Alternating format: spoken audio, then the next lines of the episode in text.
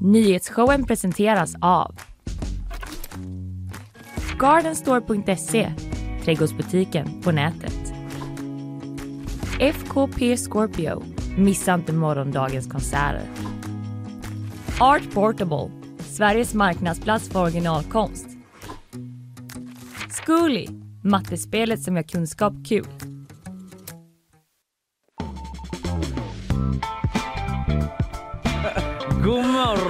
Det är nyhetsshowen. Det är det. Du lyssnar på Dina Lundström och det är Kalle Berg. Ja.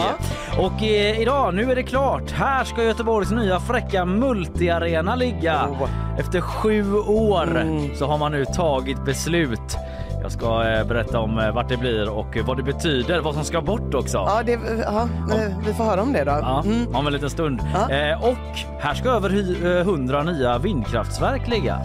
Det är sant. Mm, inte på samma ställe som eh, nya arenan utan i Halland. Det sa regeringen igår och SD blev sura och en del kommunpolitiker också. Vi ska prata om eh, varför. Vad ska du prata om? Om att eh, den största hyreshöjningen på 30 år nu är klubbad och klar. Vad betyder det för göteborgarna och för mig personligen? Mm. Sen gäst, Sveriges första dödsdola kommer hit. Jenny Ann Gunnarsson. Vi ska snacka om hennes jobb och om döden. Pratar vi tillräckligt om den? Jag tror inte det. Hon tycker inte det. Nej, då tycker så. vi borde eh, bli bättre på det om jag förstår henne riktigt. Vi ska eh, höra vad hon har att säga om det. Mm. Eh, sen är det bakvagn. Eh, Lamotte skämtar vidare eller är det ett seriöst evenemang? Vad ska han göra? Eh, han eh, ska åka till en liten ort och läsa sagor eventuellt då. Eh, Loreen är hemma igen dessutom. Eh, Inger Sandberg, författaren bakom Lilla spöket Laban, har gått bort. Det är lite av de nyheterna som jag har med mig till senare. Jag kan berätta att det nu kommer någonting efter det inställda konstverket Evig anställning på Korsvägen. Just det. Vad exakt det är så eh, ska, kommer ni få reda på. Eh, och eh, du kommer få gissa hur många timmar unga människor scrollar per dag. Oj, Du kan ju fundera på det lite fram tills vi kommer dit. Alla timmarna. All the hours, tror jag. Om jag bara hade haft tid så hade jag gjort det. Fan vad man scrollar. Ja, okej. Det är fullt upp som vanligt här. Eh, hur mår du annars, Ina? Jag mår utmärkt. Gott. Du då? Jo, men bra. Vi Mm. började prata lite om det gamla hiphopforumet wow.nu, va? Ja, wow.nu ja. Här under Mm. morgonen och bara det gjorde mig glad. Vi behöver inte kanske gå in på varför. Det var bara ett härligt hiphopforum som Det fanns. var från den tiden när internet, eh, det fanns ju inte sociala medier utan det man gjorde var att man samlades i olika intresseforum. Mm. Och då fanns ju helgon för de som var lite mer got och alternativa och så Just det, vidare. just det. Och sen så fanns det ju WOA men det fanns ju inga liksom intresselösa forum Nej. för bara helt vanlisar. Du eller jag var väl kanske aldrig liksom några framstående hiphoppare i hiphop-community. Förlåt om jag pratar för oss båda här nu. Nej men det är okej, det är okej. Men du såg ju att jag kände lite, det kanske inte är framstående Nej, så liksom men för ändå- den stora massan men eh, ändå gjorde det okej liksom i min klass. Ja just det, i din klass. Ja precis. Eh, Men jag tycker bara det är väldigt gulligt att tänka på att man ändå var tvungen att tillhöra, man var tvungen att välja en subkultur Ja, för att ha ett forum att vara på. Ja. Mm, och då var det så här, helgon, nej. Och så fanns det ju något för folk som höll på med spel och Lunarstorm för subkulturen barn. Mm. Ja. Och så var det så här, ja wow är väl det som, det är väl det som funkar bäst. Då tar vi det. Mm. Skaffa konto.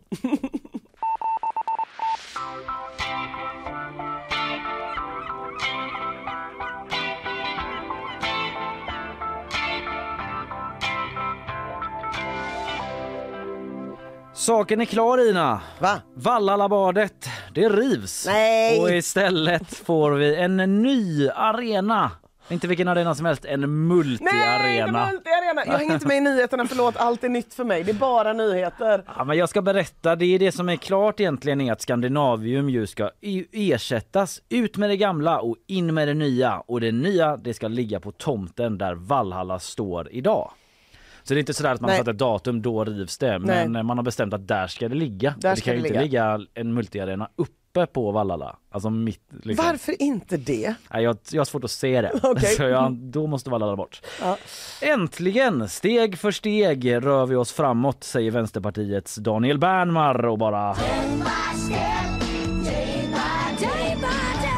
day. Eh, nej men eh, Daniel Bernman, det är han som har lett förhandlingarna och han säger till oss på GP att han känner sig lite som en coach som jobbat hårt med att få ihop ett lag. Han dragit åt lite olika håll innan men eh, nu har de tillsammans kommit fram till det här förslaget. Bort med skiten. Mm. Sportliknelser jobbar han alltså med, Daniel Bernmar då. Eh, för det är ju efter långa förhandlingar som man nu är framme vid ett färdigt förslag. Mm. Eh, det har ju varit en långkörare, arenafrågan. Vi har haft en sån här eh, timer som tickat på sajten ju. Eh, från hur långt det har gått sen man liksom tog beslut om att något ska hända. Jag kollade till den i morse. Den Ja. ligger på sju år och 13 dagar just Ja, nu. det är länge. Ja, och tidigare i år så rapporterade vi i februari var det väl att huvudalternativet som har tagit fram då, alltså tjänstemännen som utrett frågan, det Mm. var ju inte det här som man har slått fast nu med Vallala, utan det var ju att man ville lägga den nya arenan på samma tomt, eh, tomt som Skandinavium ligger idag. Ja, Så riv Skandinavium måste bygga nytt där. Ja. Det är liksom för ens lite så, eh, vad säger man, aspiga hjärna, så Ja. säger man inte idag, så är det naturligt. Precis, bort med den och så in med samma. Liksom. Bara Mm. tetrisa. ja exakt. Tetrisa till Man har ju spelat Simcity. Ja, ja men jag menar det. Det finns redan en tomt. Ja. så bygger man nytt där bara. Men så eh, blir det inte då. Alla älskade ju inte det alternativet heller. En som älskade det kanske minst av alla, det var ju Mats Grauers. Just det, det här kommer jag ihåg. Mm, ordförande i Frölunda Hockey som crosscheckar Daniel Bergman rakt i solar plexus. Så, nej, nej, det gjorde han inte. Men han sa att det skulle få förödande konsekvenser för Frölunda Mm. om de då skulle tvingas att spela hockey i Borgen. Just det, Frölunda Borg, den är ju mycket mindre. den är mycket mindre. Eh, och då kan man inte ha samma publik och sådär, alla förstår. Eh, och eh, även andra evenemang, typ konserter, kanske Göteborg Horse Show, skulle inte ha någon vettig lokal att vara i på några år. Just det. För det tar ju ett tag att smälla upp en arena. det gör ju det, det blir ett mellanrum där. Så är det. Eh, så man fortsatte liksom tänka då, eh, tog in Mats Grauers, vad han sa, tänker jag mig då, och coach Bernmar fortsatte coacha sitt gäng. Hur ska vi göra hörni? Eh, vi lägger den på Vallalabadets plats istället då, sa man. Och det är det som man har gått ut med nu då som ett besked. Nu är det officiellt. Så pa- partierna i kommunen är nöjda. Men är alla, är det samstämmighet kring det här beslutet? Alltså Miljöpartiet är inte nöjda. Okej, Eh, men annars så är eh, S, V, M, eh, Demokraterna, L och C som Ja. står bakom eh, arenaöverenskommelsen. just det. Eh, MP är alltså emot. SD har väl inte varit med och förhandlat där då. Nej. Eh, det vet jag faktiskt inte exakt varför. Eh, men eh, utan det var de som jag radade upp där då. Och eh, Vet du vad jag tror Kalle? nej, nej. Om jag bara gissar. Jag tror att det inte finns riktigt samma samstämmighet bland göteborgarna om att det här är ett toppenbeslut som det finns bland de här partierna. Jag bara gissar. Ja men det är möjligt. Jag tror att det kan komma att knorras. Mm, det en kan del. nog komma sig en annan eh, debattartikel. Jag eh, har ju stött på folk som eh, Alla kommer inte säga som Daniel Bernman, äntligen Nej. så drar vi alla mot samma håll. Avgå säger de till coach Bernmar kanske. Nej men det är många som känner starkt för Vallala. Så är det. Det är ju en eh, kulturinstitution. Jag, jag, jag älskar Valhallabadet Ja. väldigt, väldigt mycket. Eh, jag förstår att man behöver göra vissa förändringar, men Mm. det är också väldigt svårt när sådana här saker händer i stan. För det är väldigt, man blir väldigt egoistisk. Ja. Alltså det blir väldigt mycket att jag tänker så här, fast vadå ny arena? Jag kan gå på Blåvitt, Ja. jag kan gå på Bruce. Ja. Vad mer, och jag kan gå till Vallala, vad mer behöver jag? Och så kommer någon med Göteborg Horse Show, då blir jag så här, men där har ju aldrig jag varit. Nej, nej, men det, spelar väl ingen roll för jag mig? och mina vanor. nej men precis. Det blir ju så. Det blir så och eh, jag tror inte vi har hört liksom det sista i den här frågan. Eh, det kommer säkert komma många liksom, initiativ och eh, debattartiklar och vad det nu kan vara. Men eh, i alla fall, eh, det är många som är nöjda då politiskt, inte Miljöpartiet. Men eh, Mats Grauers är väl nöjd antar jag. Eller det är han, han är fantastiskt nöjd och glad. Det säger Jaha. han till oss på Ja, GP. Daniel Bernmar från Vänsterpartiet då säger att många partier suttit med önskelistor som kanske inte haft stöd vare sig i handlingar eller i verkligheten. Målar ut eh, folk som eh, galna va? Ja, lite. Lite grann så. Man är helt verklighetsfrånvända. Men att man nu sitter, eh, inte då längre med tokiga lister utan man hanterar målkonflikter en efter en. Ja, tar man sig det igenom målkonflikt för målkonflikt. Eh, och eh, en sån målkonflikt var ju var arenan ska läggas. Det blir alltså där Vallalabadet ligger idag på den tomten. Den eh, andra har rört vad vi ska göra utan ett stort badhus här i stan då. Om Vallala försvinner. Ja. Och flera partier har tagit strid för att Vallalabadet måste ersättas, ersättas innan det rivs. Ah, Och det är fortfarande ambitionen Mm. säger man men det kan bli så att man måste riva Valhalla innan man ersatt det av säkerhetsskäl. För att det är så dåligt skick. Jaha, just det. Mm. Eh, Men vart det nya badet i så fall ska ligga och hur det skulle se ut det är ju oklart än så Mm. länge vad jag förstår. Det är också en parallell diskussion som ändå går hand i hand med denna. Det men också är säga. parallell. Ja. men vi tar oss inte an den just Nej. nu. Det blir lite mycket. Eh, Men i alla fall, eh, vi behöver mäta oss med andra städer i vår storlek och sätta ribban högt. Det säger Jonas Attenius som är kommunstyrelsens ordförande om Ja. själva arenan alltså. Ja precis, jag skulle precis säga, jag tror inte han säger det om badet. Nej, nej precis. Det är inte det utan det är arenan. Alltså vi behöver den här. Den måste vara grym, minst lika fin som i motsvarande städer då, våran storlek. Mm. Ja, men han menar liksom att nu, nu behöver vi ta höjd här för att staden växer och när Just Skandinavien byggdes så var det liksom 400 000 invånare. Nu Mm. går vi mot 800 000 här om några år Ja. kanske och sådär. Eh, så det säger han om det eh, och sen liksom om själva arenan bara helt kort. Ja, det är en sån här multiarena men den ska också bestå av nya hallar då, såna här mindre du vet när man spelar innebandy och sånt som redan finns i Vallala idag i det Ja, komplexet okej, mm. där det spelas Just det. innebandy och handboll Bowling. och ja, bowling ja precis Mm. och inomhusfotboll och vad det nu kan vara. Eh, men det är också så att man måste ha ett godkännande från Länsstyrelsen innan man river Vallalabadet eftersom det är skyddat av sån här bevarandestatus. Det kommer vi göra så fort som möjligt och när det gäller Vallalabadet är det också så att bevarandevärda delar kommer att omhändertas säger Daniel Bernmar och tar mosaikväggen där då som Mm. exempel. Så Just de det. ska de ta om hand om på något vis, eh, säger Daniel, coach Bernmar. Och eh, förresten då, eh, hur lång tid ska det här ta då, undrar du? Ja det undrar jag. Eh, det vet man inte. Men om det rullar på som det ska så ska bygget i alla fall kunna starta om tre fyra år. Ja, Det är ju ja. de här långa perspektiven vi hela tiden talar om. Vi får se om det rullar på som det Mm. ska. Det får vi se. Och vad kan det kosta? Ja, det vet man inte riktigt heller men beräkningen som ligger sedan tidigare är på 4,5 miljarder kronor matter. Med 1,25 miljarder på intäktssidan i form av försäljning av byggrätter. Det läser jag rakt av från vår artikel på GP. Ja, ja. Eh, jag men, kommer ehm, inte säga exakt hur menar du nu? Nej, gör inte det. Men eh, det där är ju, det pågår ju inflation och sådär så de siffrorna förändras ju. Så är det också alltid med byggprojekt. Men vi kommer att finansiera det med investeringsmedel vi har eh, och som bland annat kommer från stora överskott som staden gjort sedan innan, säger Daniel Bernman till oss då.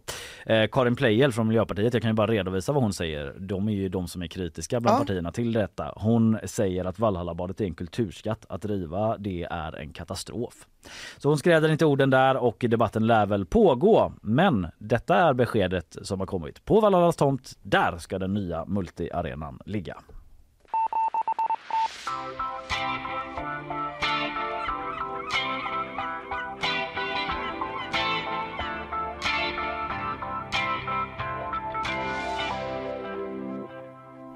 På intet sätt är vi klara för idag. Nej, vi har knappt börjat. Så är det. Vi ska få sponsormeddelanden och nyhetssvep. Sen blir det hyreshöjningar och vindkraft. Eh, Men först då som sagt sponsorer. Nyhetsshowen presenteras av Gardenstore.se, trädgårdsbutiken på nätet. FKP Scorpio, missa inte morgondagens konserter. Art Portable, Sveriges marknadsplats för originalkonst. Zcooly, mattespelet som gör kunskap kul. Ja, det delas ut beröm eh, Ja. för eh, fina skjortor och det är inte min även om den är ny utan det är Sofia Magasanikis eh, skjorta vi talar om. God morgon Sofia. Nej men där, god morgon Sofia. Hej. God morgon. God morgon, du är här för att ge oss senaste nytt eh, från natten eh, i form av nyhetshändelser då. Jag släpper över till dig direkt helt enkelt så, eh, och säger varsågod. En kvinna i 35-årsåldern blev inknuffad i en bil och misshandlad under natten mot onsdagen. En stund senare kunde en polispatrull gripa två män som nu är misstänkta för misshandel och olaga frihetsberövande. Kvinnan behövde inte uppsöka läkarvård men ådrog sig någon mindre synbar skada i samband med händelsen, uppger polisen. Den man som misstänks för mordet på en taxichaufför i Göteborg förra året ska nu utlämnas till Sverige. Mannen häktades i sin utevaro redan i november 2022 men kunde gripas i Tyskland strax efter att en internationell efterlysning utfärdats. Att utlämningen till Sverige har dröjt beror på att den misstänkte överklagade utlämningsbegäran och har hänvisat till ett dåligt psykiskt mående. 39 personer saknas efter att ett kinesiskt fiskefartyg kapsejsat i Indiska oceanen under tisdagskvällen. En sök och räddningsinsats är inledd med fartyg från bland annat Australien och Kina. Ännu har ingen av de saknade personerna hittats, uppger flera internationella medier. Tack för det Sofia. Tackar, tackar. Uh, vi ska gå vidare här då och prata om uh, hyreshöjningar. Sen blir det vindkraft. Ja, det blir, uh, det blir det helt enkelt. Det blir det definitivt. Tack så länge Sofia. Gött.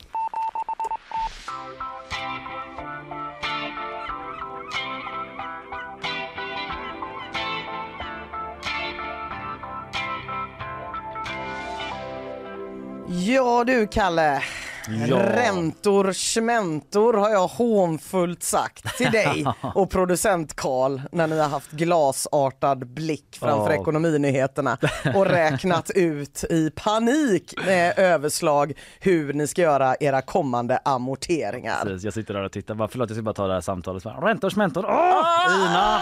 Jag har gått där, jag har spänt mitt hyresrättsbröst och tänkt nu önskade ni att ni bodde i allmännyttan va? Ja. Jävla losers. Jag tror inte jag är ensam om det. Det finns eh, inga rapporter men jag tror att det finns lite fler hyresgäster än jag som skadeglatt har suttit framför rapport och tänkt ja ja då får väl bostadsrättsinnehavarna köra golvvärme på halvtid om det ska vara så. Men nu är stunden kommen när också vi ska få känna på lågkonjunkturens piska som viner oss i nacken när det gäller våra boendekostnader. För på gp.se kunde jag i morse läsa att generellt för alla hyresrätter i Sverige så är årets hyreshöjning den högsta på 30 år. Nu kommer det. Oh. Det brukar ligga på runt 1,9 procent. Det har det gjort sedan år 2000 ungefär. Riksgenomsnittet för i år är 4,2 procent. Åh fan. Åh, fan. Och det här gäller då eh, alla hyresrätter, men det jag tänkte prata om som gäller allra flest är allmännyttan, det vill säga de kommunala bolagens hyresrätter.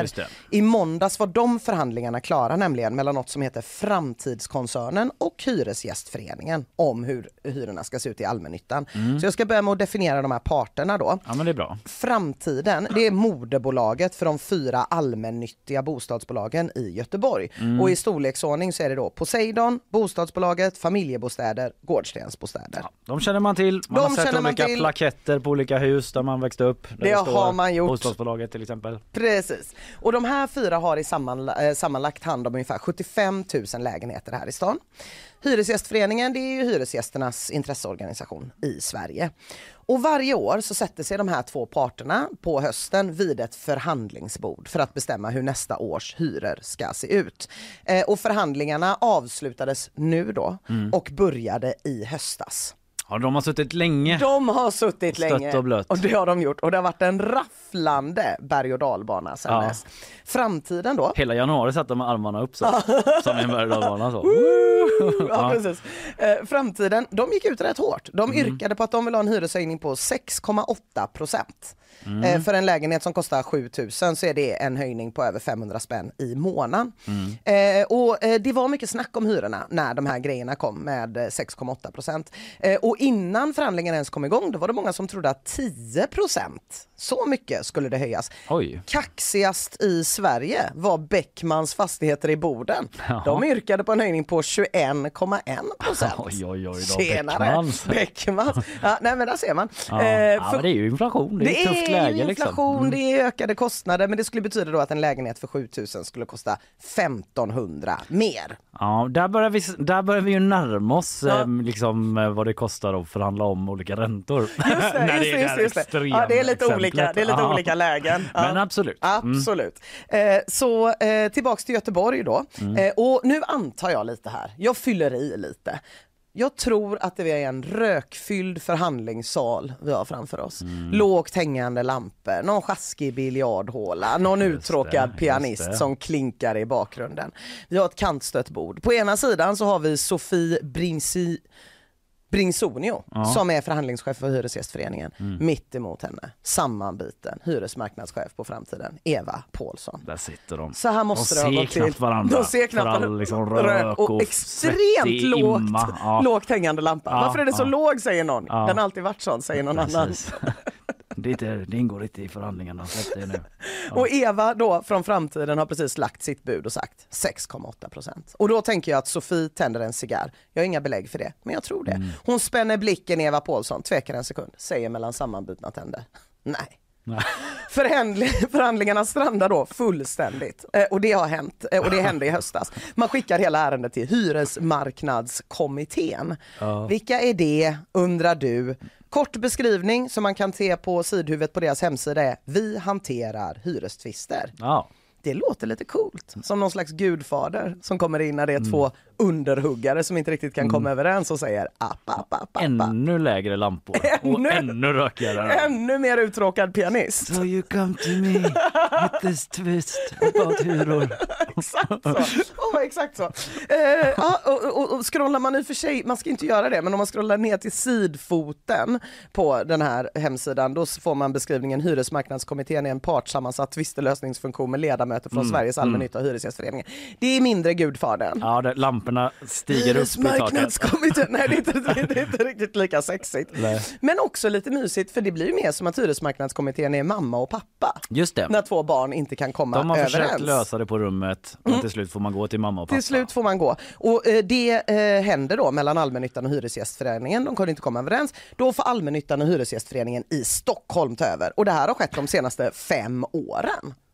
Aha, Att mamma och pappa i Stockholm måste komma in. Ja, ja, okej, man har två, ja, fem år i rad har man fått gå till dem. Det har man fått göra.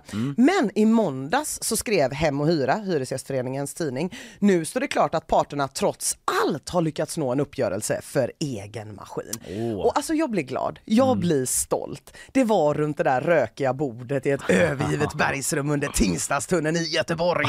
Det avgjordes och inte vid något marmorbord med silverintarsia på Riddarsalen i Stockholm. Nej, nej, nej, nej, nej. Okej, jag målar ut lite här. Mycket är hämtat från GP Ekonomis artikel från i måndag så jag tror att våra lyssnare kan avgöra vad. Eh, men för de här drygt då 75 000 lägenheterna som tillhör allmännyttan i Göteborg landar höjningen på i genomsnitt 4,25 procent. Tänk dig en lägenhet för 7 000, då handlar det om 300 spänn. Det är kännbart i månaden för många och för vissa faktiskt en, eh, ja, ett sista strå som får ekonomin att haverera. Jämför man med övriga landet då ligger Göteborg lite över genomsnittet i höjning men Okej. under Stockholm och Malmö. Allmännyttan, de är ganska nöjda. Hyresgästföreningen, de är inte så nöjda och Nej. hyresgästerna, de är inte nöjda alls. Nej. Så nu vet du allt om hyresrätter, med, äh, hyror, mer än du någonsin har velat veta. Men du ska få veta lite om hyresrätter i Göteborg också. Ja, För jag jag älskar känner mig inte färdig. Nej, bra! Eller nöjd. Jag älskar hyresrätter Ja. i Göteborg. Det är ju inte på något sätt ett göteborgskt fenomen med hyresrätter men vi sticker faktiskt ut en hel del i statistiken. Är det så? Jag, ja, jag läste en ledare av Håkan Boström i GP för två år sedan där det stod att 62 procent av lägenheterna i Göteborg är hyresrätter. 52 procent i Malmö är det och bara 43 procent i Stockholm. Så det är en ganska stor skillnad. Ja. I Landala och Haga där är över 80 procent av lägenheterna hyresrätter. Det är så. Det är så mycket, jag trodde inte det var det men det är det faktiskt. Nej, inte det är inte heller kattskit. I Majorna så bor 60% av alla som bor i Majorna bor i allmännyttan. Mhm. Faktiskt. Det är också ganska unikt för Sverige. Ja, vad händer för alla de här hyresgästerna som finns i Göteborg då? Jo, de här nya hyrorna de börjar gälla från och med första maj och ungefär ett år framåt. Sen blir det nya förhandlingar i höst. Alltså retroaktivt, eller första? Ja, ja mm. retroaktivt. O- ofta kan det vara mycket mer retroaktivt. Mm, Ofta okej. kan det vara så att de kommer fram till någonting på hösten, precis när de ska göra sina nya Aha, förhandlingar. Ja. Och då får man bakbetalning. Då får man, då får man liksom. bakbetalning Mm. som sprids ut på hela året och sånt där. Eh, och enligt Sofie Bringsonio på Hyresgästföreningen Hyresgästföreningen så har framtiden flaggat redan för att de vill ha minst lika höga höjningar procentuellt nästa år. Okej. Från en då, det blir också mer pengar då eh, eftersom att hyran redan har gått upp till 7300 då kan det bli 7700 nästa år. Slutet gott allting, jag vet inte. Sådär gott för folk kanske. Men under morgonen då kunde jag läsa i en flång ny artikel på gp.se om de här hö- eh, hyreshöjningarna då. Att i Malmö så har en grupp fastighetsägare yrkat på en andra hyreshöjning med start redan i juli. Jaha. Och det, alltså i och med att de här förhandlingarna verkar pågå från oktober till maj, Jaha. slutet av maj, så känner man ju att sen blir det väl ändå semester för de här förhandlarna. Men jag flaggar för att det kanske inte blir det i år. De kanske inte behöver lämna bergsrummet utan det kanske kan bli en ny förhandling för att vi ska se om det händer någonting i juli. Herregud. Ja. Kommer de kunna se något alls där inne? Ja, det vet man inte. Det vet man Framåt inte. sommaren?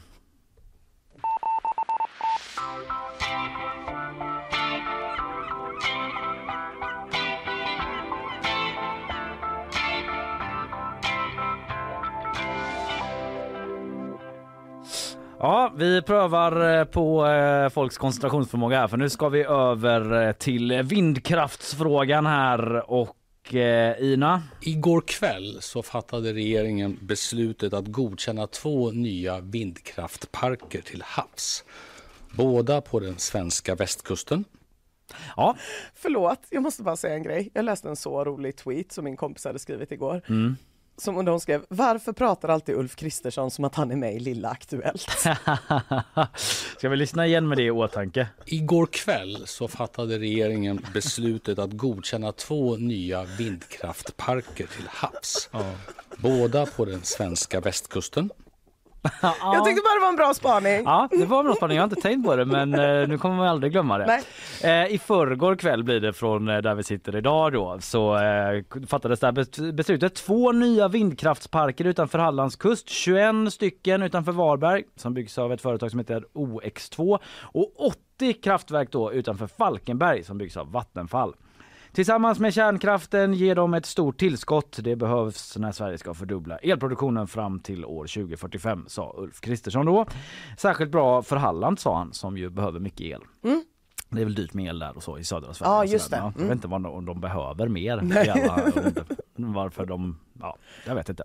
Eh, vad betyder det här då? Vi kan väl eh, fråga en man i Falkenberg. Det betyder att vi är ju idag en av de största vindkraftskommunerna i södra Sverige och nu blir vi en av de största vindkraftskommunerna i hela Sverige. Så vi kommer bidra väldigt mycket till den förnyelsebara energiproduktionen i landet.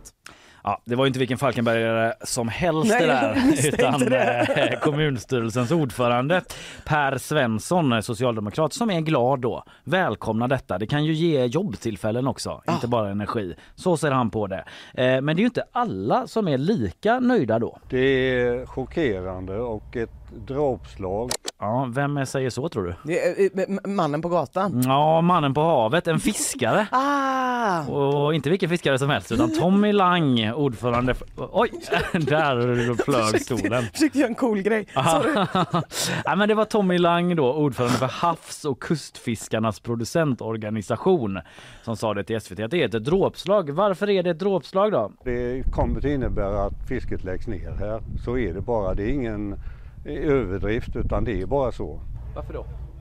Ja, och därför att de tar i anspråk eh, stora värdefulla fiskeområden som vi fiskar i året om och har fiskat i mer än 50 år i de områdena. Ja, Mm. ett 50-årigt eh, arbete med att fiska kan vara över om man ska tro Tommy Lang då om det här Ja. blir verklighet. Även Moderaterna i Varberg är Bevve som vi sa på Nordenskolan förr i tiden. Jag ska inte säga det igen, jag ser det på dig. Men så sa vi en gång i tiden. Besvikna alltså. De blev lite tagna på sängen också. Jag var inte medveten om att beskedet skulle komma. Det blev många frågetecken säger Ann-Charlotte Stenkil, gruppledare för Moderaterna i Varberg. Och eh, de är oroliga just för fisket då, eh, även för fågellivet och det är ju skaldjursfiske som det handlar om Ah, okej. eh, där ute eh, som påverkas då när man eh, kör ner de här vindkraftverken som ska stå där ute. Eh, en eh, 20 kilometer tror jag det var utanför kusten då, så en bit ut. Men också för turismen, en viktig inkomstkälla för Varberg. Eh, är de oroliga för då. Eh, alla kryssningsfartyg som går där ute, vad Just det nu kan handla om. Mm.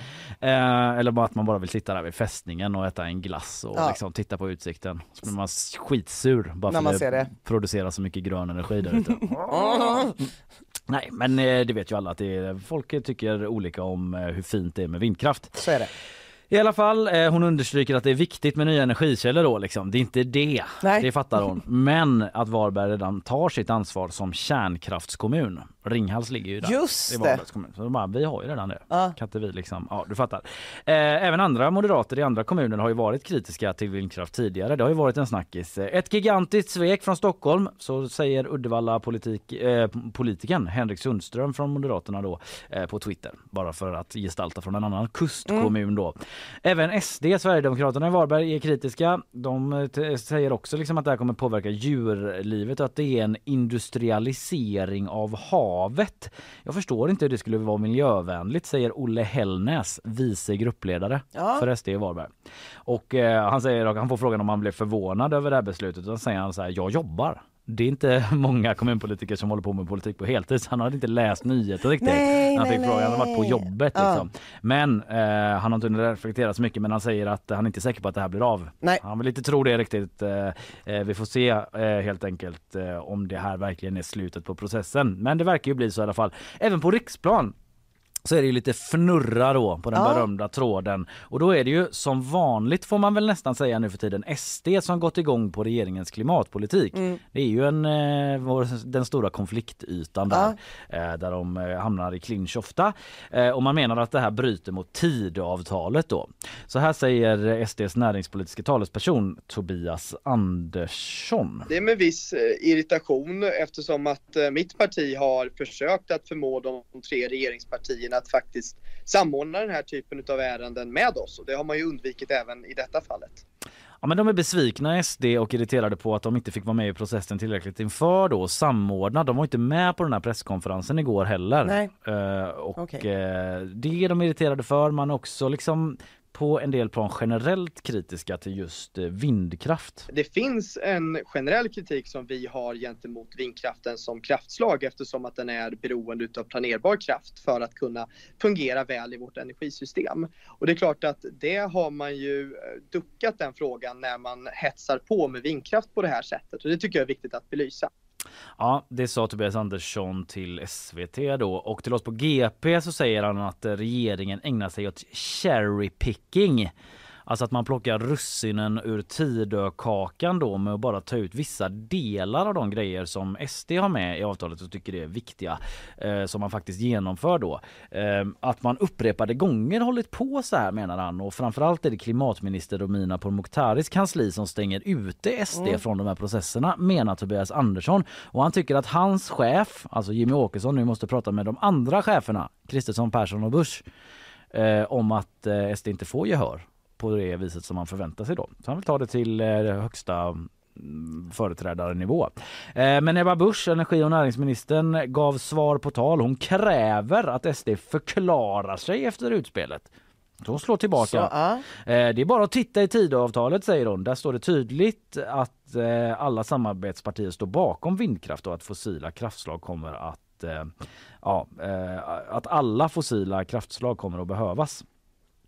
Eh, eller ja, att man liksom ska jobba för vindkraft. Ja just det. Känns det inte som att SD kommer säga ja, sant. Eh, nej, det verkar ju inte så. Eh, här är man svaret skyldig varför man vill säga nej till förutsättningar för lägre elpriser för hushållen, säger Ebba Busch till TT. Så hon slår tillbaka och samtidigt då så menar experter att det var ett väldigt eh, väntat utspel, den här kritiken från SD om vindkraft. Elisabeth Marmorstein på SVT säger att SDs framgångar i glesbygden bland annat kan förklaras med vindkraftsskepsis. Ah. Man Mm. har tappat in på en folkvilja där då menar hon.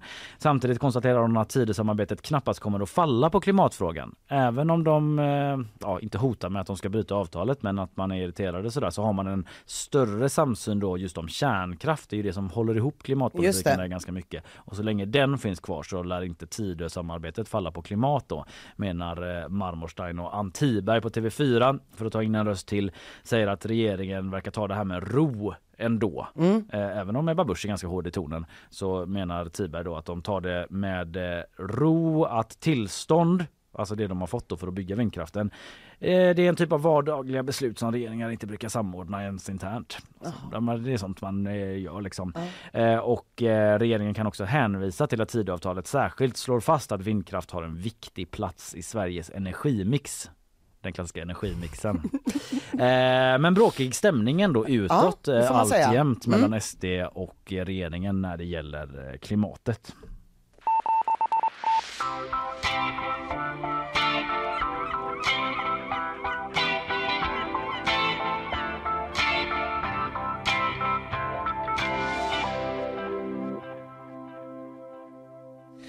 Ja, vi eh, får hit eh, Sveriges första dödsdola om en liten stund. Otroligt spännande. Är det ett begrepp som du är eh, bekant med? Nej, men jag förstår nog vad det betyder. Ja, en dola är ju en sån som hjälper eh, kvinnor som vid födseln, vid födseln och sådär. Nu är det andra delen av livet, slutstationen, ja. där det också finns dolor nu för tiden då som kan lotsa en framåt ja, sista hållplatsen så att säga. Jenny Ann Gunnarsson heter hon och eh, hon kommer dit om en liten stund. Eh, men före det så lyssnar vi på våra sponsorer. Nyhetsshowen presenteras av Gardenstore.se, trädgårdsbutiken på nätet. FKP Scorpio. Missa inte morgondagens konserter. Art Portable. Sveriges marknadsplats för originalkonst. Zcooly. Mattespelet som gör kunskap kul.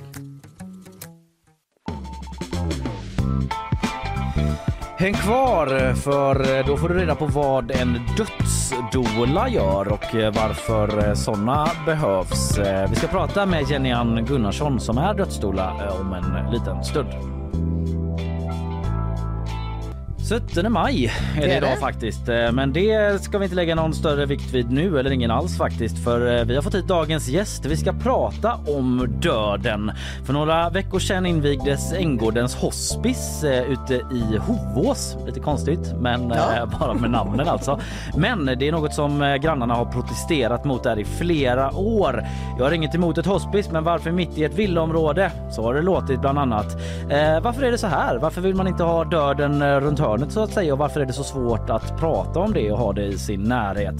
Det ska vi prata om mer nu eh, om med eh, Sveriges eh, första dödsdola. Jag säger god morgon och välkommen hit Jenny Ann Gunnarsson. Tack så mycket. Hej Jenny. Hej. Ann. Jenny Ann ja, precis. Ja. Eh, Okej, okay. vi bara börjar i den änden. Vad är en dödsdola? Mm. Eh, vi brukar säga så för att förenkla att vi är länken mellan den döende, närstående och vården. Eh, och vi kan då stötta eh, ja, psykologiskt, emotionellt eh, men också väldigt mycket praktiskt. Eh, och kan vara med från början om man tänker sig när någon har fått det där sista beskedet om obotlig sjukdom. Mm. Vem är det som oftast eh, anlitar dig? Är det den som själv bara har en tid kvar att leva eller är det anhöriga eller vad kan det, hur kan det se ut? Det kan vara vilket som. Ehm, jag har haft ganska många gånger när jag har haft eh, vänner snarare. Mm. Ehm, och sen är vi lite noga med att kanske inte säga anhöriga så man inte gör den här skillnaden på att tro att människor har blodsband, familj, anhöriga. Eh, av olika anledningar kanske inte ser ut så, men eh, närstående och det kan vara faktiskt vänner, vilket jag tycker är fint, för det är ju lite att man är i en skör situation såklart som obotlig sjuk och så är det någon som liksom kollar upp lite innan, vad är det här och så. Så att, mm. eh, det kan vara vilket som. Hur går den första kontakten och mötet till då? Eh, det är lite olika då som sagt när man kommer in i vilket skede. Mm. Men eh, jag brukar alltid ha ett, eh, ska säga, ett, ett, ett, ett, första samtal, ett lite kortare. Man får känna lite på varandra, att, att vi ska passa tillsammans. Eh, och sen bestämmer man kanske då att man vill ses och så har vi ett längre djuplodande möte. Mm. Och där kan man då liksom utifrån det se vad, vad, vilka behov finns det och vad kan jag då Eh, stötta med. Mm. Mm. Finns det något exempel som du kan berätta om liksom vad man har kommit fram till eller vad du kan hjälpa till med så här rent eh, konkret? Mm. Eh, det senaste jag nu hade, eh, där jag följde då en, en person under en eh, längre tid. Eh, där kom jag in och då var det väldigt mycket att man ville planera runt sin begravning. Det var som att det var lite lättare att börja i den änden. Eh, nästan prata om sig själv i en annan typ av en annan person som ska ha den och den kistan och så vidare. Eh, men sen blev ju samtalen mycket mer eh, ska säga, existentiella samtal. Vad händer? Eh, rädd för att lämna och sina anhöriga då, i det här fallet familj. Och eh, sen var det mycket praktiskt. Jag kunde ordna så att eh, personen kunde få bli klippt hemma. Jag fixade mm. så en frisör kunde komma, för det är svårt att röra sig med, med syrgas till exempel. Eh, följde med på några läkarbesök. Eh, men många gånger så satt jag bara och lyssnade.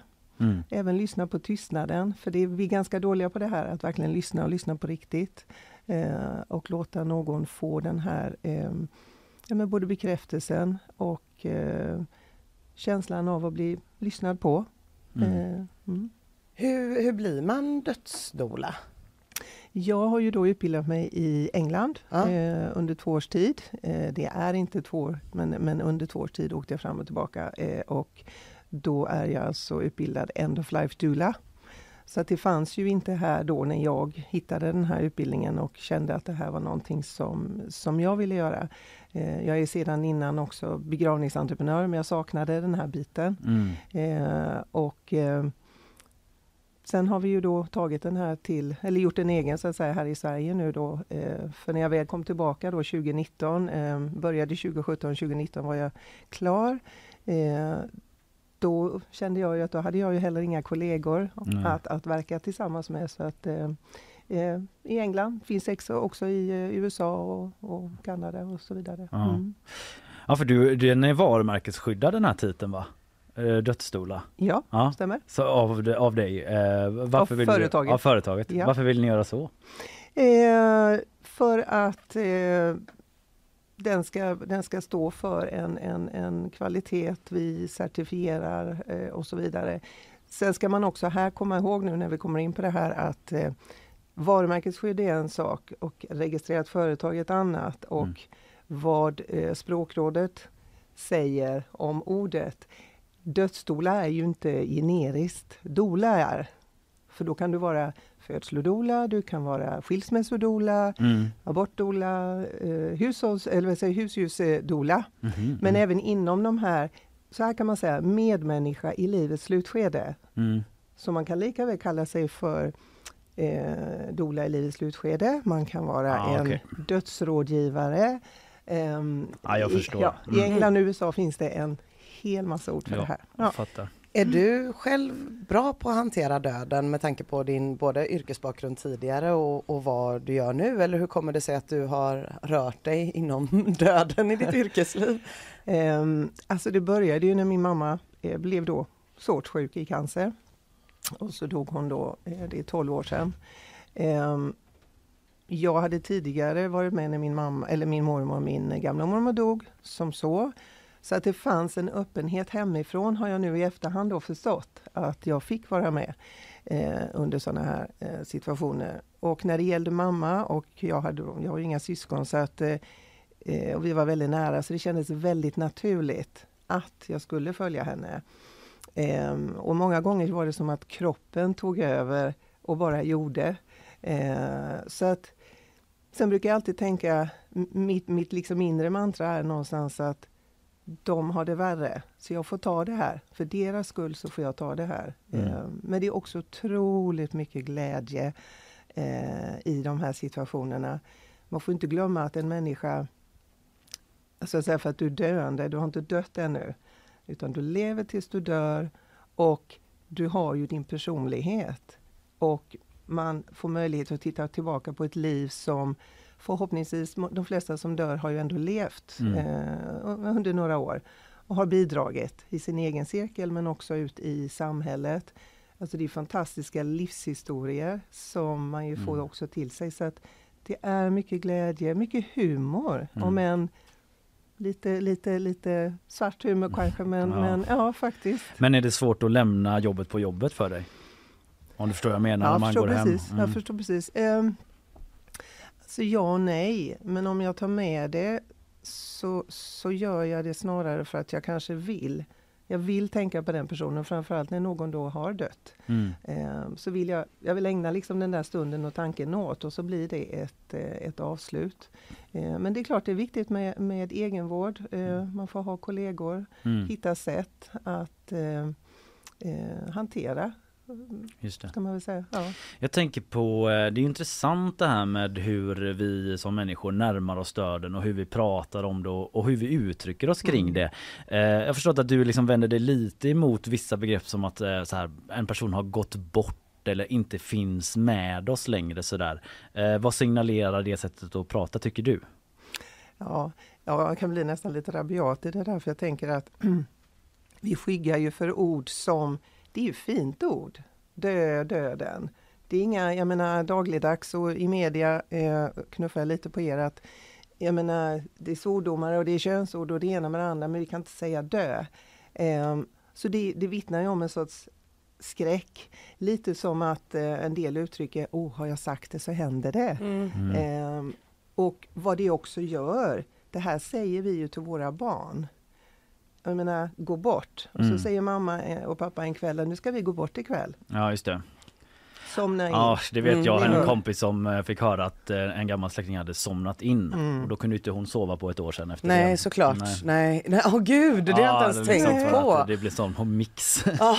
Nej, men eller hur. Och, och lämnat har lämnat och så tänker jag men fast jag tror inte att personen ville lämna. Alltså, Nej. Börjar man att tänka på de här orden. Men det sitter ju instinktivt på något sätt. För jag ryggar för det när eh, mina barn kanske har sagt det ordet. Att jag liksom, det kryper till i kroppen på mig. Jag vill inte att de ska säga det. Jag vet inte om det går tillbaka till att jag hade en period när jag var liten. Jag kommer inte ihåg exakt hur gammal jag var men ganska liten liksom. Jag var jätterädd för döden. Jag tänkte både mycket, eh, jag kan nästan, jag kan än idag typ återkalla den känslan som är jättesvår att sätta ord på. Men men hur det var som att det bara, när jag tänkte på det och verkligen gick in i den känslan som man kanske gör när man är barn, att det bara rasade samman över mig. Men idag så kväver jag i den, så fort jag närmar mig den känslan ah. så bara tjoff, bort med den. För jag vet att jag eh, får panik mm. av Och då gör du det genom att inte tänka på döden? Eller läsa om den eller? Eh, nej men inte tänka på den så mycket ja. tror jag. Och när jag känner att, eh, alltså jag vet att jag kan gå in i det på ett liknande sätt men eh, jag väljer bort det. Mm. För att eh, Ja, nu har jag ju inte tid heller. Nej, det är så mycket att göra. Tid men... att tänka på det. Nej, men att det är obehagligt såklart. Ja. Mm, ja. Och det var bra det du sa. Jag har inte tid. Alltså bara det vittnar ju väldigt mycket om hur kan vi inte ha tid att dö? Mm. Mm. Ja. Att ägna tid till döden. Vi ägnar ju tid till väldigt mycket annat höll jag på att säga, mm. men alltså så är det ju. Eh, så att jag tror genom att vi tänker till, planerar, eh, precis som vi gör med så många andra saker. Jag menar vi pratar alltifrån, elavtal. Alla mm. kollar sina elavtal mm. och, och det är med bilar och leasing och, och så här. Um, och, och, man jämför och, man, och kontrollerar. Det är ju samma här. Mm. Om man gör det, titta på sådana här dokument, prata lite, gå igenom, kanske göra en sorts årlig eh, eh, genomgång eh, inför det som komma skall. Mm. Så kommer det ju bli enklare för, jag hade ju senast igår en familj som kom, då hade någon dött, så att då var det liksom i begravningssammanhanget. Och de hade ju ganska bra koll vad personen ville. Mm. Och då blir det mycket lättare så att du snabbt kan komma in i ditt sorgarbete. Just För det är det. det det handlar mycket om, att gå igenom sorgen. Mm. Är du rädd för döden? Eh, nej, jag är inte rädd för döden. Jag tror att det blir... Jag tror den frågan handlar mycket om Döden vet vi ju egentligen inte så mycket om. Det är ju liksom mystiskt fortfarande. Eh, finns inga experter skulle jag vilja säga. Jag har viss kunskap, läkare, präster möjligen. Eh, men om vi hade vetat, då hade vi ju dött. Så jag tänker att när man säger så, så tror jag att det handlar om att man är, man är rädd för hur man kommer att dö. Gör det ont? Blir det ovärdigt? Och vi ska lämna. Vi ska lämna nära och kära. Mm. Jag tror rädslan sitter där och det, den rädslan har jag också men, men för egen del så har jag bestämt mig um, att att det ska vara på ett visst sätt och, och det tröstar mig. Sen, sen, sen, sen vad det liksom betyder för någon annan men eh, jag tror att man kan Ju mm. mer man vet eh, det är alltid bättre att veta än att inte veta om man säger så. Mm. Man säger ju ofta att döden är lite tabu i mm. Sverige. Mm. Håller du med om det?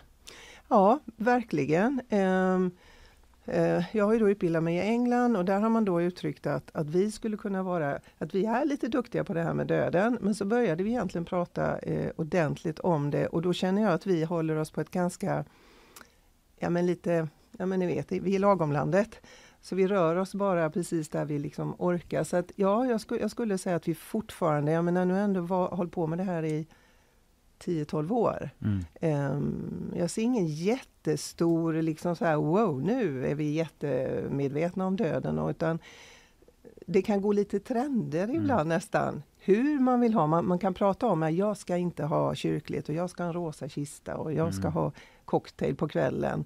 Eh, där kan man röra sig, men, men inte i det som egentligen är det svåra. Så att eh, tyvärr skulle jag nog säga. Vad är det du tänker att kanske hade varit bra att komma in i mer då som är det svåra? Att liksom prata om att hur rädd man är då eller liksom vad som hände sen eller vad är det för typ av grejer som du känner att det kanske hade vi mått bra av att borra ner oss i ännu mer?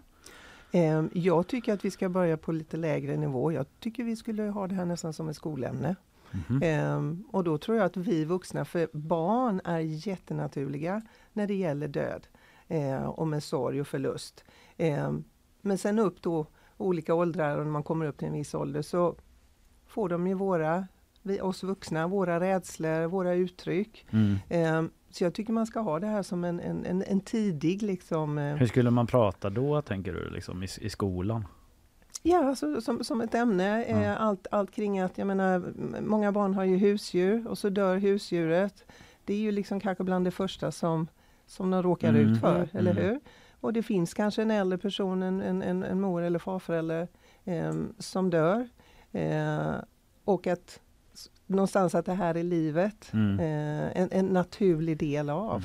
Alltså jag, jag kan känna att jag är ganska, min mamma är från Indonesien. Mm. Hon har bott länge utanför en liten by på norra Sulawesi och där är ju döden närvarande på ett Mm. helt annat sätt Mm. och folk har sån dödsrutin. Ja. Liksom om någon dör i den här byn, oavsett om jag känner personen eller inte, så vet alla i byn vad de ska göra. Det finns liksom kommittéer, så antingen är du med i riskommittén eller fixa plaststolar Mm. till begravningen kommittén eller, lag, liksom olika typer av, det är typ en vagn där alla deltar och ger lite ris och så är det så här, det är stenkoll, det är liksom ett, som ett väloljat maskineri.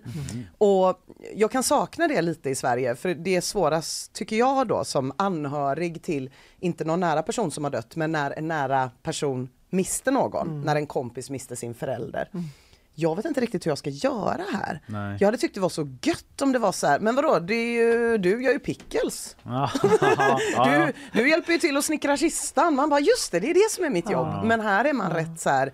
Men där är ju också döden närvarande på ett annat sätt. Man har döda människor kvar hemma i två dagar. Jag har sett döda människor där. Folk postar bilder på deras döda anhöriga på Facebook, vilket alltid är helt så här när man öppnar Ja, Facebook, ja. man vet inte vad man får se liksom. Så det är ju väldigt annorlunda. Men tror du att det där liksom, det blev väldigt lång rambling här, men.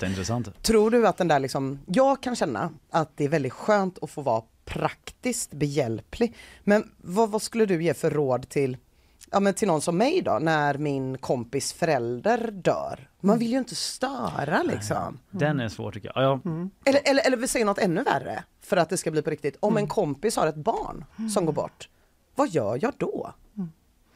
Eh, jättefint alltid att berätta om, om den kulturen och vi har ju också haft något liknande i Sverige faktiskt. Eh, för när man, när man levde i sina mindre samhällen och, och vårdades hemma, dog hemma och, och likvaka och, och, och bräderna låg uppe på torken och så Mm. slog man ihop kistan. Så att, och att, att mycket är praktiskt, absolut. Men det jag tänker alltid att man ska, säg hellre då, jag vet inte vad jag ska säga, men får jag ge dig en kram? Och säger man så här, jag hjälper gärna, det går liksom inte, där kan du vara handgriplig och göra det. Inte bara säga, ring mig när du vill, du kan ringa på natten.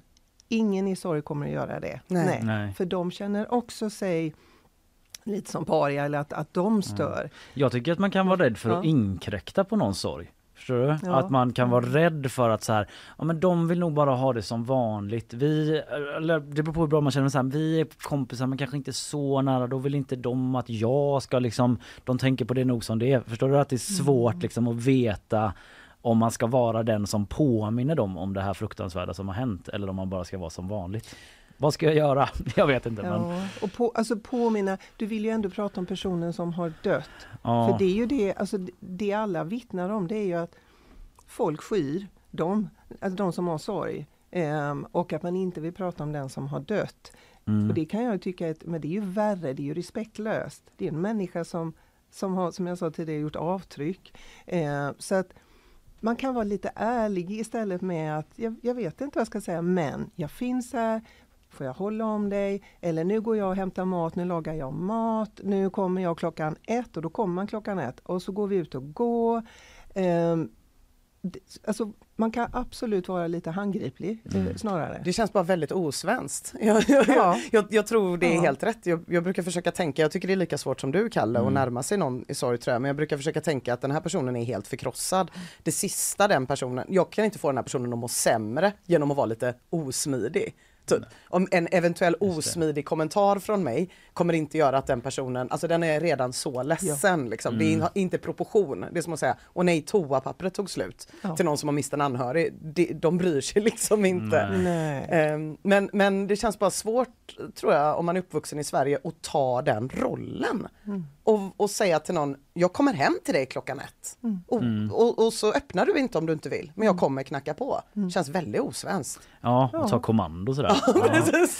Ja. Men om du har varit sån innan tänker jag, eller som du säger, ja, jag brukar vara lite märklig runt mina kompisar. Alltså om du, om du plötsligt blir på ett annat sätt, Mm. blir väldigt eh, Ja. ordningsam och säger de rätta orden, det är ju, då känns det ju ännu värre. Ja.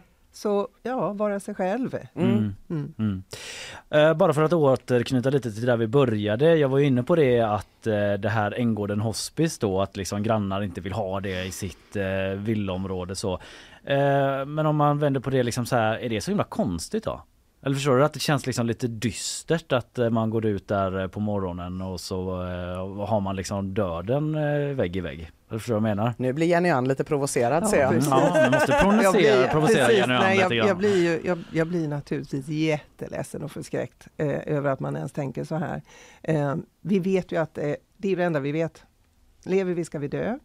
Eh, och att det, det är ju en del glädje i det också som jag säger. Och så tänker jag alltid att det är ju lätt för andra att säga, men om det hade gällt åt din, dig själv eller din närstående, vill du inte att de ska ha det så pass bra?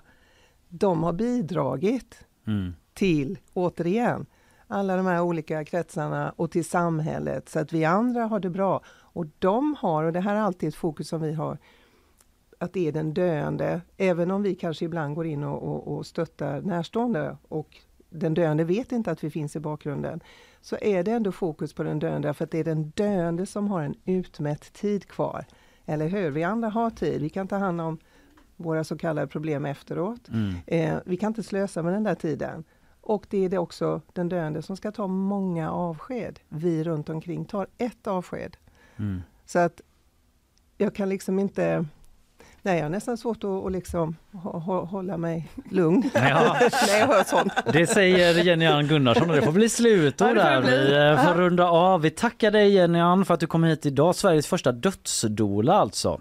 Tack så mycket. Tack för att du kom. Tack snälla. Tack.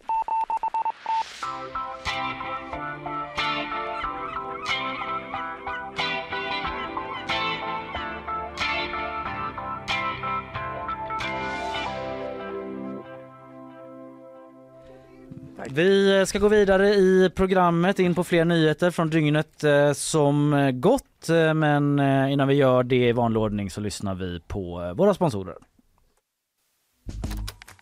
Nyhetsshowen presenteras av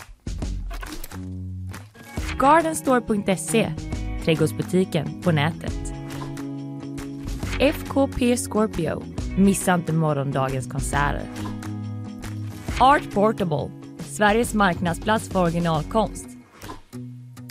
Zcooly, mattespelet som gör kunskap kul.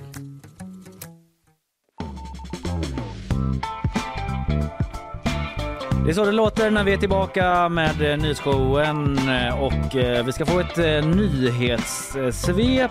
Sofia Mangasanik är tillbaka Jajamän. och ska ge oss då lite uppdateringar från det senaste. Varsågod. En kvinna i 35-årsåldern blev inknuffad i en bil och misshandlad under natten mot onsdagen. En stund senare kunde en polispatrull gripa två män som nu är misstänkta för misshandel och olaga frihetsberövande. Mannen som körde bilen är även misstänkt för drograttfylla. Kvinnan behövde inte uppsöka läkarvård men ådrog sig en mindre synbar skada i samband med händelsen. Den man som misstänks för mordet på en taxichaufför i Göteborg förra året ska nu utlämnas till Sverige. Mannen häktades i sin utevaro redan i november 2022 men kunde gripas i Tyskland efter en internationell efterlysning. Att utlämningen till Sverige har dröjt beror på att den misstänkte överklagade utlämningsbegäran och har hänvisat till ett dåligt psykiskt mående. Idag meddelas hovrättens dom mot de två bröder som dömdes i tingsrätten för grovt spioneri tidigare i år. Den äldre brodern dömdes till livstidsfängelse och den yngre brodern till fängelse i närmare tio år. Både de tilltalade och åklagaren överklagade tingsrättens dom. Hovrättens dom meddelas vid klockan 13 under onsdagen. Klockan 13 kommer den hovrättsdomen. Spännande. Ja, det blir en eh, liten cliffhanger. Men det är ju alltså att de tilltalade vill ju frikännas och åklagaren vill ha längre straff för den yngre brodern. Okej. Helt olika ingång. Ja, de är inte överens. De är verkligen inte överens. Ja, då har vi alltså domstolar som ska in då på lodrätt 3 då som avgör den typen av eh, frågetecken. Okej, eh, Sofia, tusen tack. Tack själv.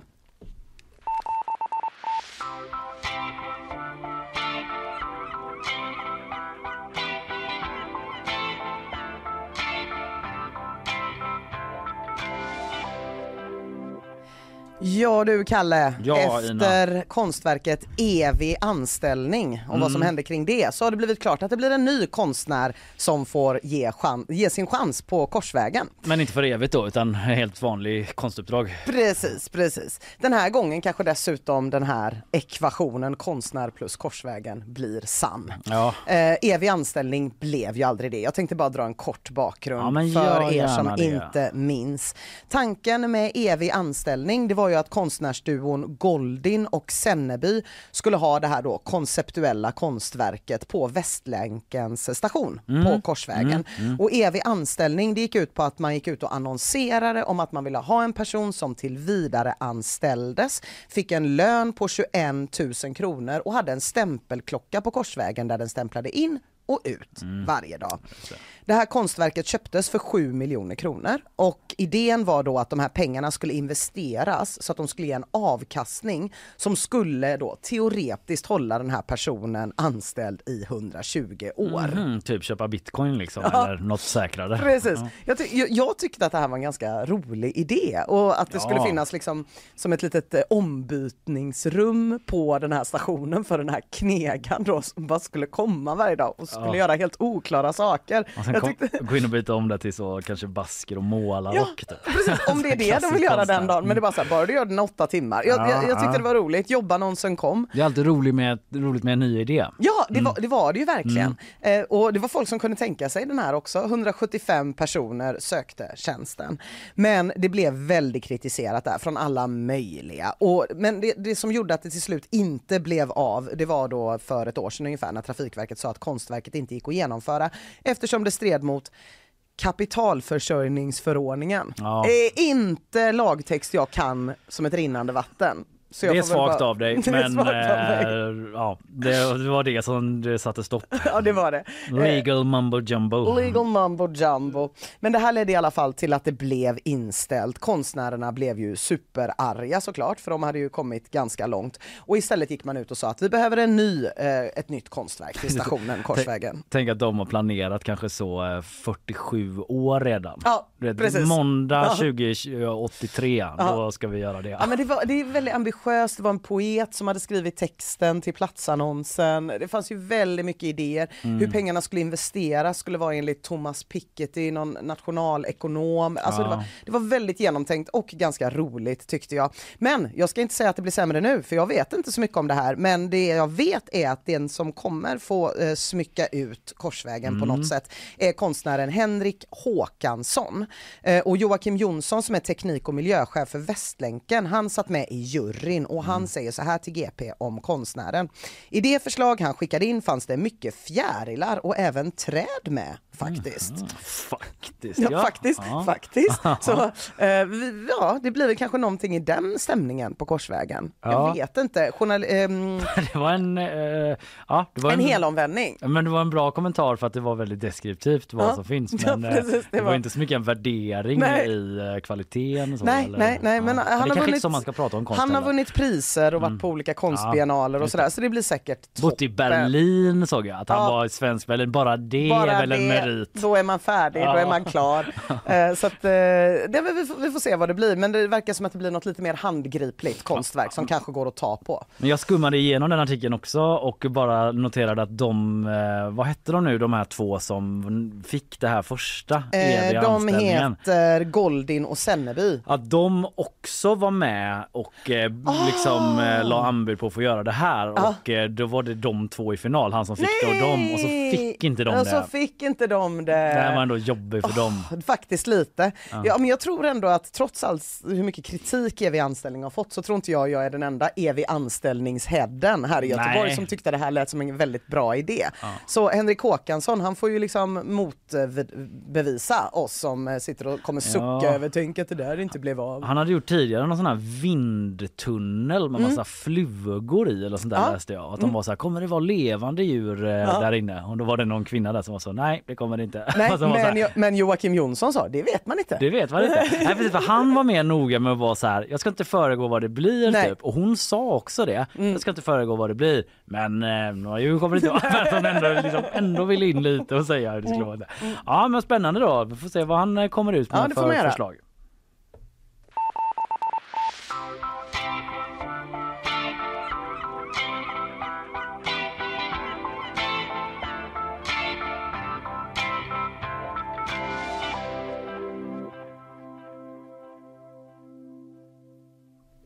Du, eh, vi talade ju eh, om eh, döden här nyss med Jenny Ann, eh, Ja. dödsdolan och eh, en som har eh, gått bort, beskedet kom igår, är ju Inger Sandberg, 92 år gammal och det är ju hon som har skrivit Lilla spöket Laban Jaha. och Lilla Anna och Långa farbrorn. Ja. Mm. är ju de två mest kända, de känner du till förstås. ja, men jag var helt, visste faktiskt inte att det var en svensk person.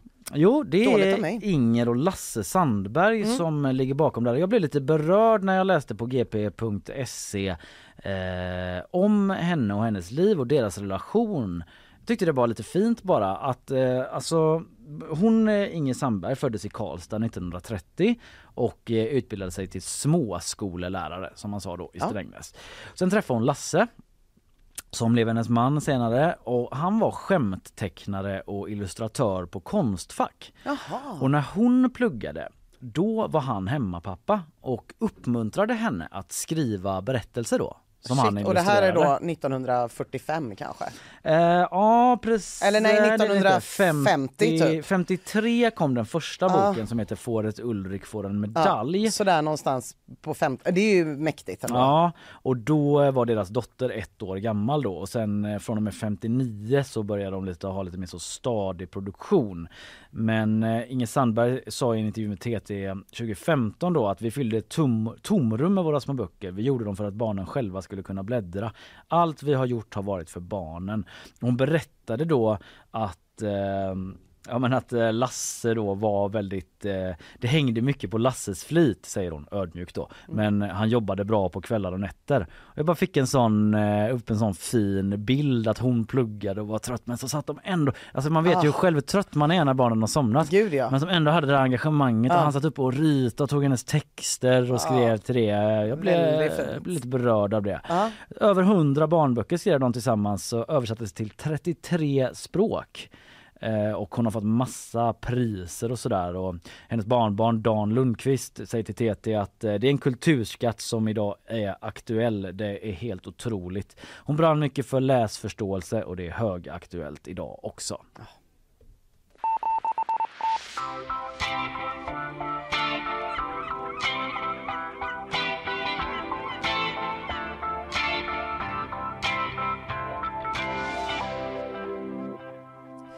Du Kalle, när man såg den här rubriken på GPs sajt igår.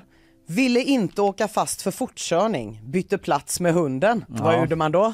Man klickade. Man gick in och läste. Ja. Det här vill jag läsa. Tänkte Ruff, man. Eh, och därför, för att jag gjorde det, kan jag nu berätta för dig att i Colorado i helgen i staden Springfield Mm, mm, jo. Härligt. Ja. Ja. bara duly noted att det är Springfield. Ja, eh, där skulle polisen stanna en bil som körde för fort. Eh, Och när polisen närmade sig så såg de hur mannen i bilen bökar runt i bilen och när de kom fram till förarsättet så var ju inte mannen i förarsättet utan där satt istället hans, det vill säga Homer Simpsons Ja. hund. hund. Det här är sånt jävla Homer Simpson move. Ja jag vet, jag, t- ja, ja, det är ju det enda man tänker på nu att han Santas little helper sitter där. sitter exakt. Så den här mannen då som kan ha eh, hetat Homer Simpson fortsatte på den här linjen och sa att det var hunden som hade kört. Han var själv bara en oskyldig passagerare. Ja.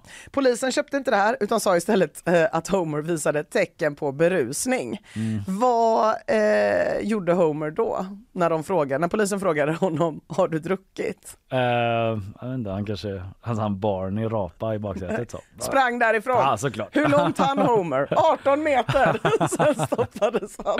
Classic Homer ändå. Det är så himla konstigt det här. Men det är ju Darwin Awards varning. Vad är det nu Ja, det är så här människor som har gjort bort sig otroligt mycket. Ja. Stor, ett, ett, ett riktigt dumt beslut. Mm. Det är alltså jag vet inte, att sätta sig, att, att vara full då Mm. eh, och eh, ändå känna att man snabbt agerar är Ja. ovanligt.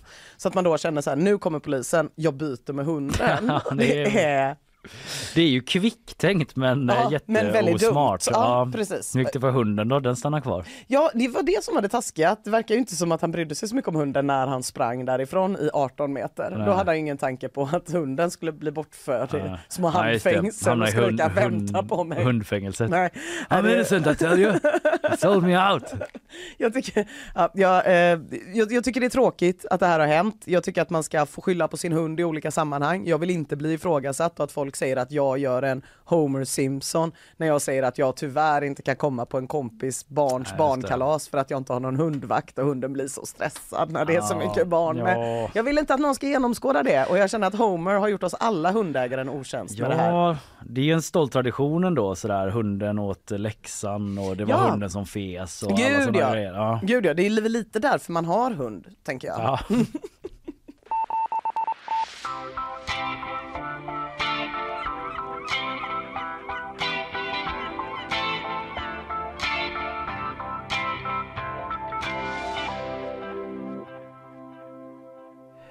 Kan vi passa på att nämna att eh, Loreen är tillbaka i stan jag på att säga, men eh, inte i den här stan då, men i Nej, Stockholm. ja. Hon eh, som segrare av Eurovision dök upp i Stockholm då igår för att ta emot publikens hyllningar i Kungsträdgården var det väl. Förlåt, du kan lyssna på lite, eh, hon eh, togs emot där och, och var på gott humör. Du har ju precis faktiskt landat i Sverige. Du, du, hur gick resan hem? Jag vet inte, jag sov hela tiden. Till och med när jag gick. Ja, så sa hon. Så sa hon. En skämtsam Loreen. Men sen jävla karaktär ändå. Ja, verkligen. Ja. Intervjuad av Per Sinding Larsen. Ah, tänk, tror du nå- ja, det- man hade velat visa det här för dem båda för 15 år sedan. Det här är eran framtid. ja, Per Sinding Larsen. Ja, precis som Judison hade kanske lite mer smala, Ja. liksom nosa på lite nya band och så. Nu Ja. står han och intervjuar vinnaren i Melodifestivalen, Mm. eller Eurovision. Mm. Och eh, Loreen, hon var med breakade i Idol Ja, läste precis. jag. Det Ja. hade jag glömt lite grann. Mm. Ja. Nej, Men hon är en karaktär. Eh, också, det var Karl som sa det i morse att Per Sinding Larsen är liksom SVTs enda musikjournalist. typ. Ja. Och då menade han inte typ som det där trendiga sättet att säga att så här, Sveriges enda, Enda, nej. komiker. Utan att han är heller. Hela musikredaktionen heter PSL, typ, Per Sinding Larsen. Det är ändå bara han där. Ja, förlåt alla andra på SVT Kultur som sysslar med musik. Men hon landade i alla fall där då och eh, hon berättade att hon liksom kunnat njuta lite mer den här gången än efter 2012 då, 11 år sedan när hon vann i Baku. Nu var hon mer närvarande. Jag förstår vad som har hänt fullt ut och kan ta in det. Eh, vi kan lyssna på en liten snutt till och när de pratar med Per Sinding om lite hennes relation till publiken typ. Du repeterade först inför en tom arena. Sen kom publiken in och då hände det något väldigt speciellt. Ja. Berätta. Ja, det är alltid så. Alltså, det, det, det slår, jag, jag, blir, jag blir lite förvånad själv. Så fort det är människor där, eftersom att jag, jag är en människoälskare, älskare tänkte jag säga, men så fort det är publik och jag ser folk i ögonen, för det gör jag när jag, när jag ligger där i min lilla kaka, tänkte jag säga, i min sandwich, då händer någonting. Då, är det liksom, då switchar och så, ja, det, det är full fokus på att leverera till er faktiskt.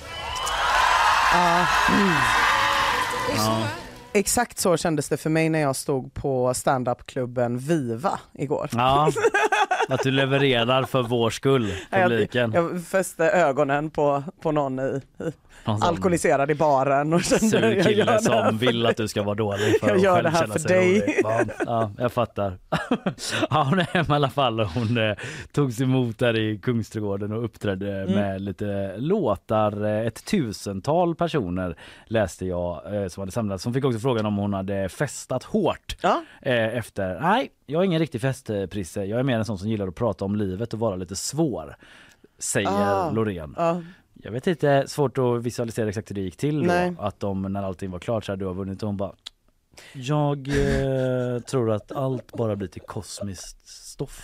Men alltså, du? shout out till Loreen, Loreen, Loreen Mm. för självkännedomen. För jag upplever att väldigt många som går på fest Mm. vill vara, vad var det, allvarsamma och prata om Eh, prata om livet och vara lite svår. Ja, att alldeles för många som väljer att gå på fest gillar Mm. att prata om livet och vara lite svåra. Så Ja. det, jag tycker det är skönt att hon bara, nej men det är inte min grej. Nej. Nej. Hon känns väldigt trygg i sin person. Otroligt. Väldigt liksom eh, modig eller vad man ska säga. Hon är väldigt trygg i att eh, köra sitt race. Ja, Det måste ja. man säga.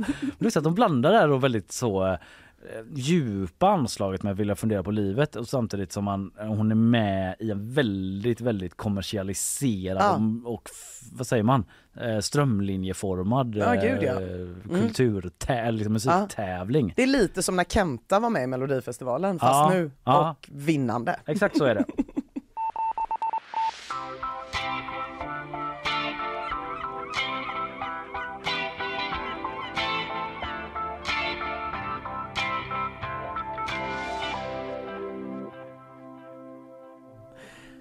Du eh, Kalle, här på morgonen så rapporterade P3 Nyheter att unga scrollar i genomsnitt, ja hur många timmar per dag tror du Kalle? Uh, nej, kan inte... Oh, jag vet inte. Två. Nio.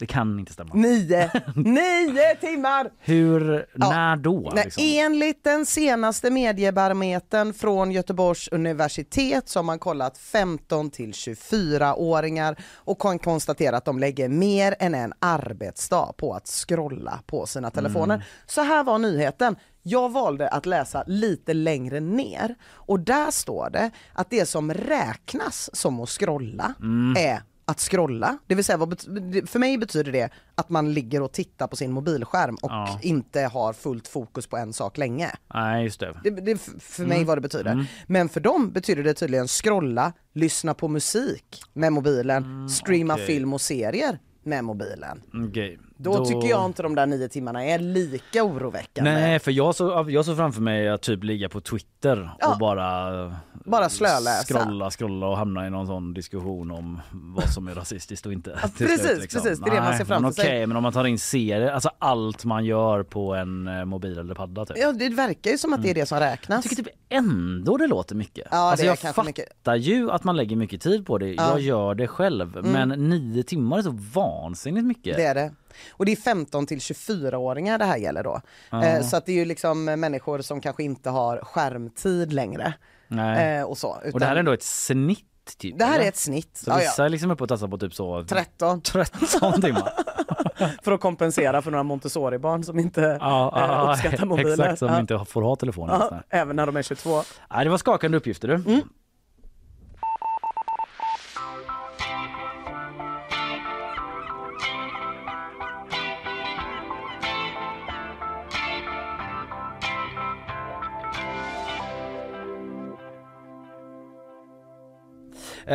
Jag bara reagerade på en grej som jag läste i morse som jag tyckte var lite intressant. Eh, det är amerikanska CIA, alltså underrättelsetjänsten, som eh, har en liten drive här nu då de försöker värva nya spioner Jaha, i Ryssland. i- okej. De har släppt en video som eh, riktar sig till missnöjda ryssar som är trötta på att drabbas av kriger. I kriget. Mm. Kriger. med Den åttonde dvärgen. Så, Ja, jag ja. tror du menar tändsticksföretag. Skitsamma. Kri ja, kriger. Nej jag tänkte att det var så, vad heter de, Butter och Aha. Nyser och Kriger. Mörkt att det finns en som heter Kriger. Ja, han, det är ju inte eh, slåsser utan nej, det är liksom Kriger. riktigt krig med riktiga Han arméer. gick ju bort innan filmen i det stora snövita kriget som förde henne till makten. Jag tycker inte det låter som eh, att släkt. Kriger krigar själv. Jag tycker bara det låter som att Kriger startar krig. Ja, nej, nej, han var bara en eh, soldat. Soldat utan namn som kallades för kriget. Ligger begravd där i Paris vid den. Soldat utan namn. Ja, Mm. där, ja det är han, kriget. eh, nej, utan av kriget. Eh, Det är en grå och dyster video skriver eh, DN som eh, liksom spelar på känslan av att det, det inte är så bra i Ryssland längre Mm. som det en gång eh, var då. Att det håller på att försämras. Eh, Men det finns en grej som gör att livet kan bli bättre. CIA. Ah. Kontakta CIA. Kanske vill inte människorna omkring dig veta sanningen. Vi vill det, står det en text i videon då. Så att man vänder sig till alla som känner liksom att eh, sanningen inte når ut i Ryssland Mm. och att man för dem kan agera megafon för eh, att ehm, nå ut med det här eh, budskapet. Den är ju på ryska reklamen tror jag. Vänta här. который я себе выбрал.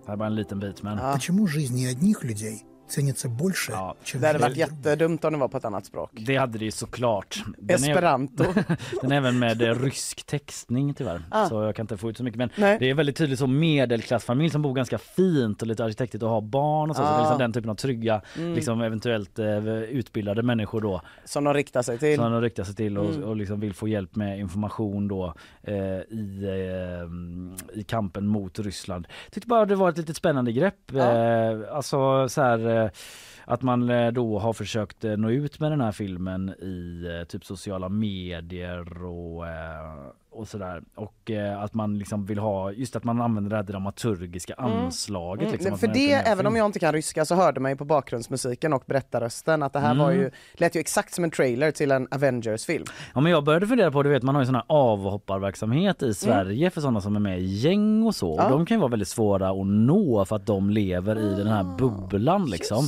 Så om man då eh, från polisens sida, ett tips att de börjar spara sponsra inlägg på typ så här TikTok och Snapchat Mm. som är en sån jättevälproducerad eh, video Just om, det, eh, om hur det blir, ja precis. om hur bra det är att prata med polisen. På idéstadiet är jag för det Ja. och jag vill inte skjuta ner någonting. Nej, det här är ett ja-möte. Ja. Men jag ser ändå lite framför mig i den här filmen som att det är två poliser som typ säger alla säger att det är så jävla coolt att skjuta folk och vara med i gäng. Vet du vad som är coolt på riktigt? Och inte vara med i gäng. Och Slut. sen kommer det en rapplåt. Sluta läsa direkt ur mitt manus.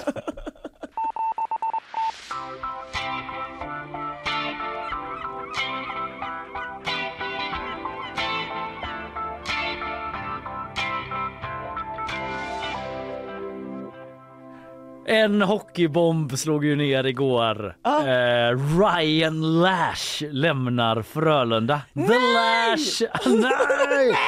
Jag vet inte om han kallas för The Lash. Eller, Eller The Ryan. The Ryan. Han lämnar Frölunda ett år i förtid.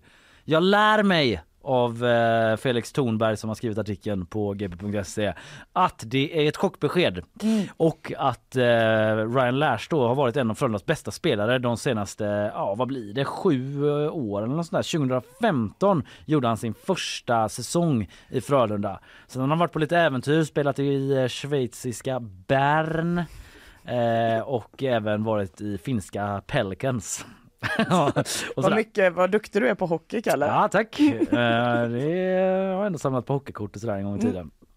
Och så har han varit ute men nu eh, så säger han att Frölunda är klubben i mitt hjärta och jag vill tacka Frölunda, alla supportrar, alla vänner jag haft eh, i Göteborg och tacka dem för min tid här.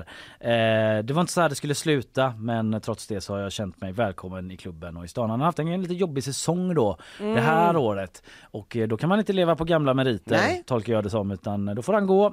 Ryan Lash som vunnit eh, två SM-guld och tre CHL-titlar. Ah, CHL ja, vad är det Kalle? Det är Hockey Champions League. Ja, är det det? är jag ganska säker på. Mm, får ett, Man går eh, sällan upp så på sista ordet när man är riktigt säker. Det är jag ganska säker på. och tittar sökande mot producent Karl som också ganska osäkert svarar ja. Det ändå. är väldigt lite hockeykunskap i det här Ja, rummet. men vi är det inte så det. bra på hockey, du vill vara Nej. tydliga med det. Men eh, han har gjort det väldigt bra. Han har liksom gjort 483. Det är så, vi kan men han har gjort väldigt bra. Det himla bra nere på rinken mellan sargerna där han har befunnit sig stor del av tiden då Mm. eh, på isen och skapat trafik framför kassen via köksvägen ibland kanske forecheckat och så vidare. Den typen av hockeyrelaterade aktioner Mm. som han stått för i borgen i många år. Eh, då Pucken är platt, pucken är platt som man brukar säga. är platt och den glider in i mål och han har ett poängsnitt på 483 poäng på 436 matcher i SHL. Alltså 1,1 1,1 poäng per match. Är poäng och mål samma sak? Eh, nej men det kan vara, det vet jag att det ändå är mål och typ assist. Aha. Du kan ha en plus en, då gjorde du mål och assist, alltså passa fram till en annan som gjorde mål. Mm. Eh, så eh, trist tror jag Lash lämnar stan, en Ryan profil. Lash. Precis när man äntligen fick lära sig vem det var. Men ska vi, eh, ska vi, ska vi, ska vi citera Ryan Lashs sista ord i slutet av den här sändningen kanske? Det var en bra tid, men nu är det, vad sa han? Ehm, Nu går vi vidare. Ja, jag är stolt över vad jag åstadkommit, eh, eller över vad vi åstadkommit som klubb och har många fina minnen. Mina år i Frölunda har varit de bästa i karriären. Ja, nej, Ja. det var något annat du sa. Ja, Skitsamma. men jag sa något annat men så här. eh, Det var någonting han sa. Jag tänkte det blir fint att avrunda, men, men vet du vad? Jo så här, även om eh, det var s- eh, även om det inte var så här jag ville sluta så har jag alltid känt mig välkommen i det här programmet och på den här tidningen. Perfekt! Så eh, s- avslutar vi dagens eh, program där vi idag har pratat om att eh, den nya multiarenan eh, ska ligga där där Vallhalla låg eh, eh, eller ligger. än, herregud, ligger ju kvar än så länge. Eh, och eh, där ska man bygga den nya multiarenan, det har man kommit fram till. Men det tag kvar innan eh, man river och man måste ha lite tillstånd och så. Men nytt beslut, klart alltså, rykande färskt. Så blir det. Så blir det. Jag har pratat om hyreshöjningarna som är de högsta på 30 år. Just det, och eh, jag snackade också om vindkraften då. 100 nya vindkraftverk utanför Hallandskusten, några utanför Varberg och några utanför Falkenberg. Det har rört upp känslor bland kommunpolitiker och sverigedemokrater på riksplan. Eh, klimatbråk som vanligt mellan eh, regeringen och SD kan man nästan säga. det. Och så var dödsdolan Jenny Ann Gunnarsson här och gästade oss för att prata om döden. Det var trevligt tyckte jag. Ja det var det. Det var Ja. intressant eh, att eh, konfronteras med sina tankar om det. Eh, och så var det bakvagn då. Eh, ja, det har ni nyss hört så det Ja. behöver vi inte dra allting igen. Imorgon så är det ju för guds skull röd dag. Är det det? Visst är det det? Vi sänder Sjukt. inte i alla fall, så mycket Nej. vet jag. Nej. Däremot sänder vi på fredag. Vi tar inga klämdagar här, Nej. förutom de som tar ledigt, till exempel jag. Eh, Men eh, vi kommer ha folk på plats som Ja. sänder, så mycket är klart. Men imorgon tar vi ledigt hörni, det gör väl ni där ute också. Hoppas jag att ni kan unna er, de flesta av er. Eh, Men tack för idag! Tack för idag!